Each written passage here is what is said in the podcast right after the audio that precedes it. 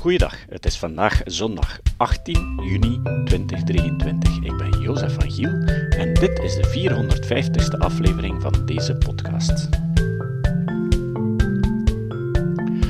Op 29 april zijn de sceptische prijzen voor 2022 verdeeld. Spijtig als je er niet bij kon zijn, maar ik heb goed nieuws. Ik heb alles opgenomen en vandaag mogen jullie luisteren naar de uitreiking van de zesde vijs. De laureaat van de zesde vijs voor 2022 was een opmerkelijke winnaar waarvan je het oppervlakkig gezien niet zou verwachten. Maar als je dieper graaft, merk je echter dat het zeer verdiend is. Waarom dat zo was, laat ik uitleggen door de voorzitter van SCEP, Wietse Wiels. De zesde vijs 2022.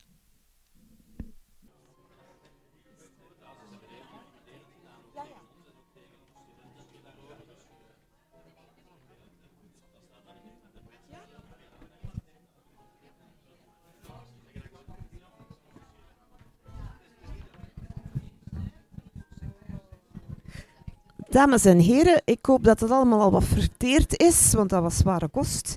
Maar nu komt het hoogtepunt.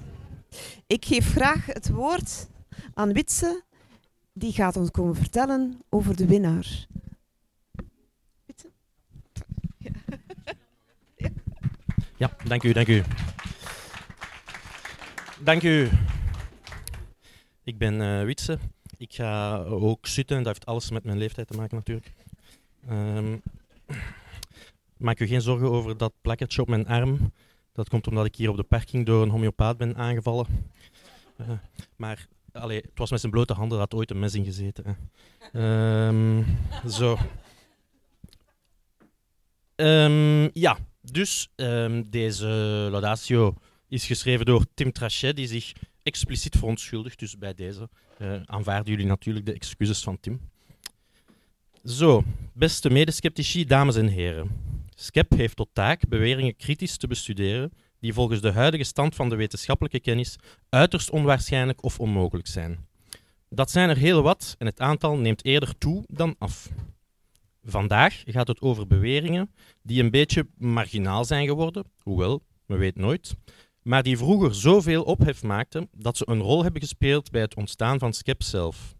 We bedoelen beweringen over UFO's, hè?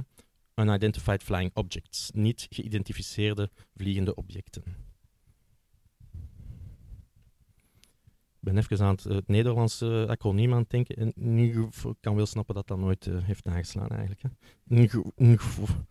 Um, het is misschien opvallend dat 1990, het jaar waarin SCEP werd opgericht, tegelijk het jaar was van de grote Belgische UFO-golf. Al was die eigenlijk al eind 89 begonnen. Een UFO-golf is een periode waarin heel wat UFO-meldingen na elkaar plaatsvinden.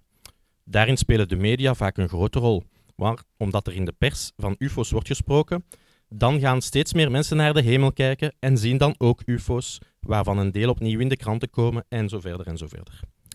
Het jaar van de oprichting van SCEP was dus ook toevallig het jaar van de enige, de enige grote UFO-golf in België en toevallig tegelijk zowat de laatste echte grote UFO-golf in Europa. Dat was inderdaad, u mag ons geloven of niet, louter toeval. Het gedoe rond UFO's is immers veel ouder en de behoefte aan een kritische evaluatie dus ook.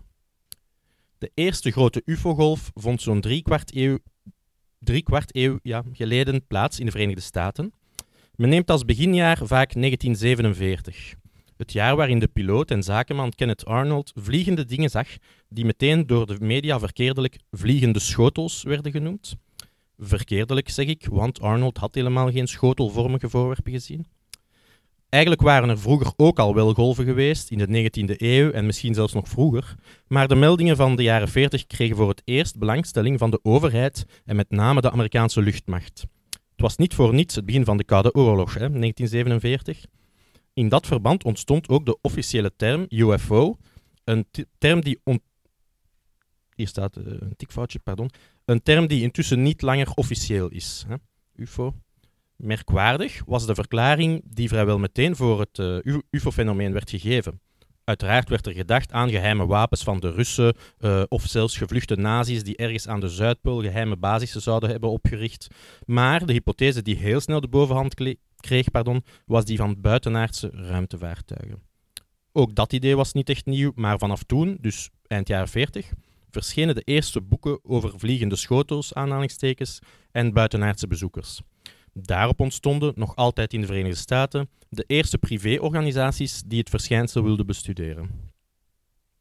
De publieke belangstelling vervaagde na een tijd, maar leefde regelmatig weer op toen er zich nieuwe UFO-meldingen voordeden, zoals eerder beschreven. Ze bleef gekoppeld aan het idee van buitenaardse bezoekers. Sommige mensen beweerden zelfs buitenaardse wezens te hebben ontmoet of een reisje in een vliegende schotel te hebben gemaakt. Vanaf eind jaren 60 en zeker in de vroege jaren 1970 evolueerden UFO's tot een soort cultuurverschijnsel. Het was in de Golden Sixties, de tijd van de hippies en van de verbeelding aan de macht. Het was ook de tijd dat ruimtevaart meer aandacht kreeg eh, dan hij daarvoor ooit gekregen had, hè, vooral door de bemande maandreizen en de populariteit daarvan. Alles leek mogelijk uh, in die tijden en tegelijk dook toen het alternatieve denken op dat kritiek leverde op de officiële wetenschap. Boeken als die van Erich von Däniken, waarin sprake is van buitenaardse bezoeken in het verleden en mogelijk ook het heden, kenden uh, een hoge oplage. Hè. Dus von Däniken hè, die schreef dan dat er eh, cultureel contact geweest is in het verleden en met, met aliens om bepaalde rotstekeningen en piramides en zo te, te verklaren. En dat is nog altijd zeer populair. We vermelden bijvoorbeeld de boeken van de Vlaamse schrijver Julien Weverberg, waarvan het eerste uit 1971 dateert. Daarin concludeerde hij dat UFO's bewijzen van buitenlandse, buitenlandse pardon, uh, sorry uh, Sigmund, uh, bewijzen van buitenaardse intelligentie zijn. Ehm, uit buitenaardse intelligentie.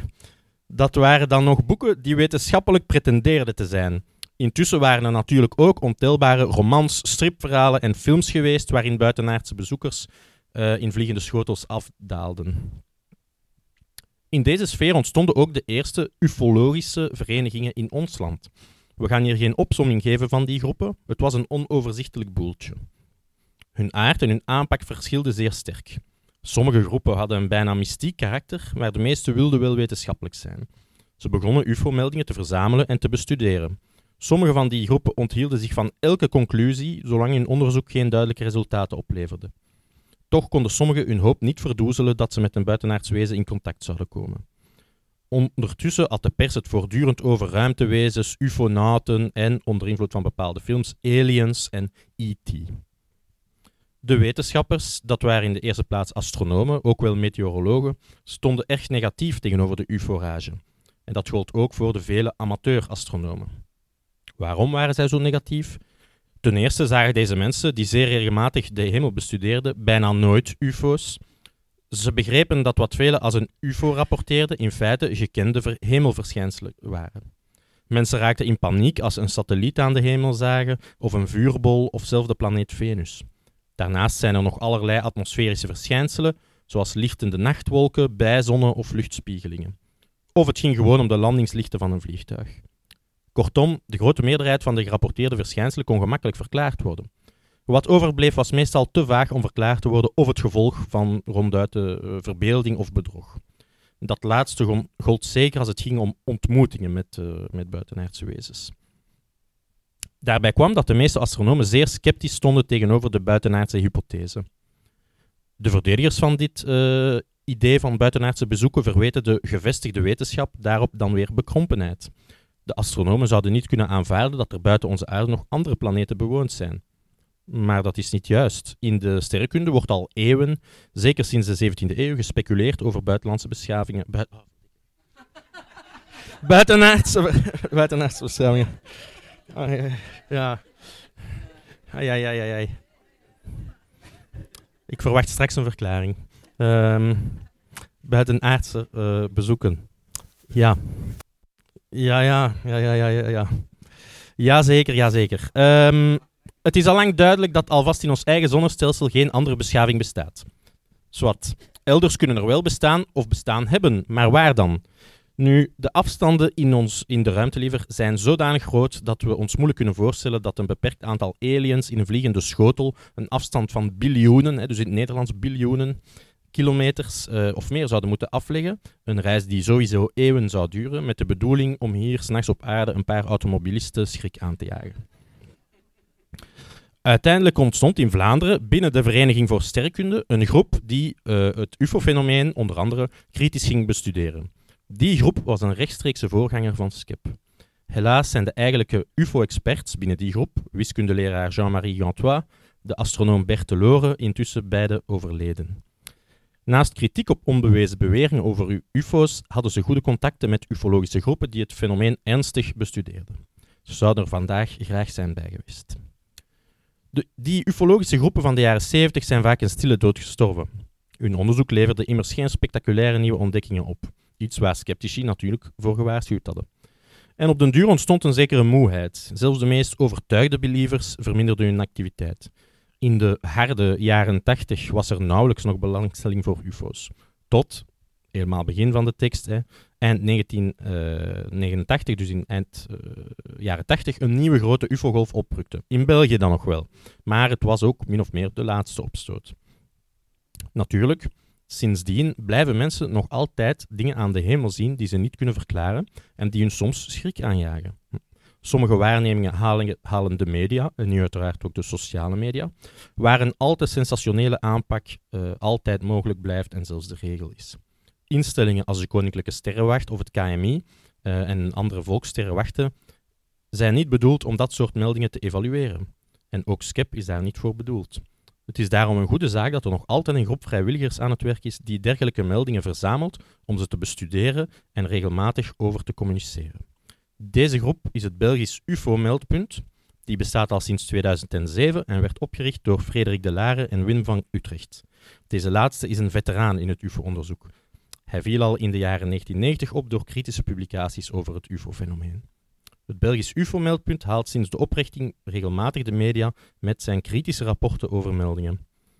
UFO-waarnemingen worden altijd systematisch verzameld en onderzocht. De publicaties en de communicatie met de media tonen een kritische en wetenschappelijke aanpak. We kunnen hier van sceptische ufologie spreken. Skep is van mening dat dit werk bijzonder nuttig is en dat het informeren van het grote publiek, uh, zodat het fenomeen dat nog altijd meestal UFO wordt genoemd, eindelijk zijn sensationele liever en pseudowetenschappelijke aspecten verliest. Om die redenen kent Skep de 6e vijs 2022 toe aan het Belgisch UFO-meldpunt.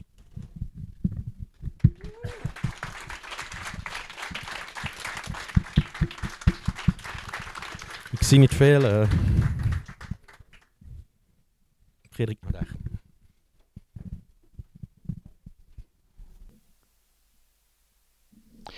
Deze aflevering kan je ook beluisteren op het YouTube-kanaal van Skep. Een link vind je in de notitiepagina. Het citaat van vandaag komt van Etienne Vermeers, die ook medeoprichter was van Skep. Vermeers zei: De enige toegelaten techniek om te spieken tijdens mijn examens is telepathie. Tot de volgende keer. Dit was de podcast Kritisch Denken. Vergeet niet om alles kritisch te behandelen, ook deze podcast. Voor verdere informatie over deze podcast, links en voor de tekst, surf naar www.kritischdenken.info. Als je deze podcast belangrijk vindt, kun je me steunen door anderen warm te maken ook eens te luisteren. Stuur een e-mail naar vrienden met een link naar de website en plaats de link in de handtekening van je e-mails. Tevens kun je op iTunes deze podcast een beoordeling geven of een recensie schrijven. Of je kan op je eigen website of blog een link naar kritisch denken plaatsen.